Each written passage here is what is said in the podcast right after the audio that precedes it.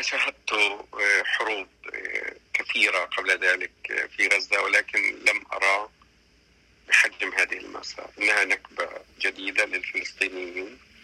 لم أكن أتوقع أن أرى مئات الآلاف من النازحين الذين تركوا كل شيء. لم أرى في حياتي إزالة أحياء كاملة في مدينة غزة من الوجود. رأيت أناس يعني سكان غزة الأصليون هؤلاء لم يغادروا غزة منذ آلاف السنوات. اليوم أصبحوا نازحين ولاجئين في مدينة جديدة. الكل مصاب بصدمة صدمة شديدة. وتشعرين بأنه كابوس. يعني الناس البعض غير مصدق بأن ما حدث قد حدث. يعني اليوم أنا قابلت شخص يعني أتى إلى مقرنا يطلب أن يتم تسجيله في أحد المدارس وبدأ يتحدث ويقول بأنه فقد خمسة من أبنائه فقد زوجته وأخته. يتكلم بطريقة عادية يعني هو غير مدرك حتى الآن. هو بالصدمة حتى الآن. ويقول أنه يعني يريد أن يبحث عن مكان ليلجأ إليه لأنه لا يملك أي شيء لا يملك مالا. وقال لي بأنه أتى فقط بملابسه الشخصية.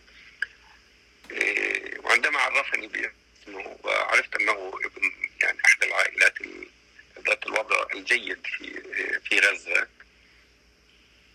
والتي تملك يعني أعمالا والآن أصبح لا يملك أي شيء فجأة. وهكذا يعني يعني يفقد الأسرة يفقد العمل يفقد كل شيء ويبحث الآن عن مكان يلجأ إليه يشعر بالأمان. وأن نوفر له بعض من الماء وبعض من المواد الغذائية التي لا يتسلمها كل يوم. وهكذا يعني هذه الديلامة الكبرى التي يحياها الآن مئات الآلاف من الفلسطينيين. طبعا بجانب عدم الإحساس بالأمان. يعني إذا كنت في مدارس أونروا وترفع العلم الأزرق لا تشعر بالأمان. بالشارع لا تشعر بالأمان.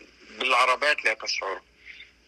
بالأمان. هذا إحساس لم أشعر به قبل ذلك في غزة. لم أعشه لا أنا ولا غيري من الموظفين. وأحيانا أنا شخصيا يعني أقف وفي رأسي عن ماذا أتحدث؟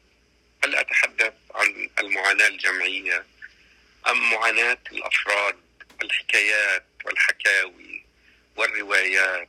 كل إنسان لديه قصة.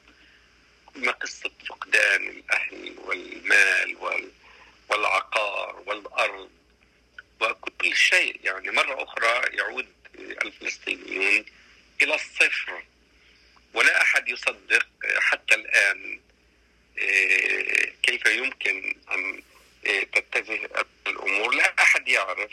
لا والسؤال المركزي الذي يطرحونه Eh, al humor eh,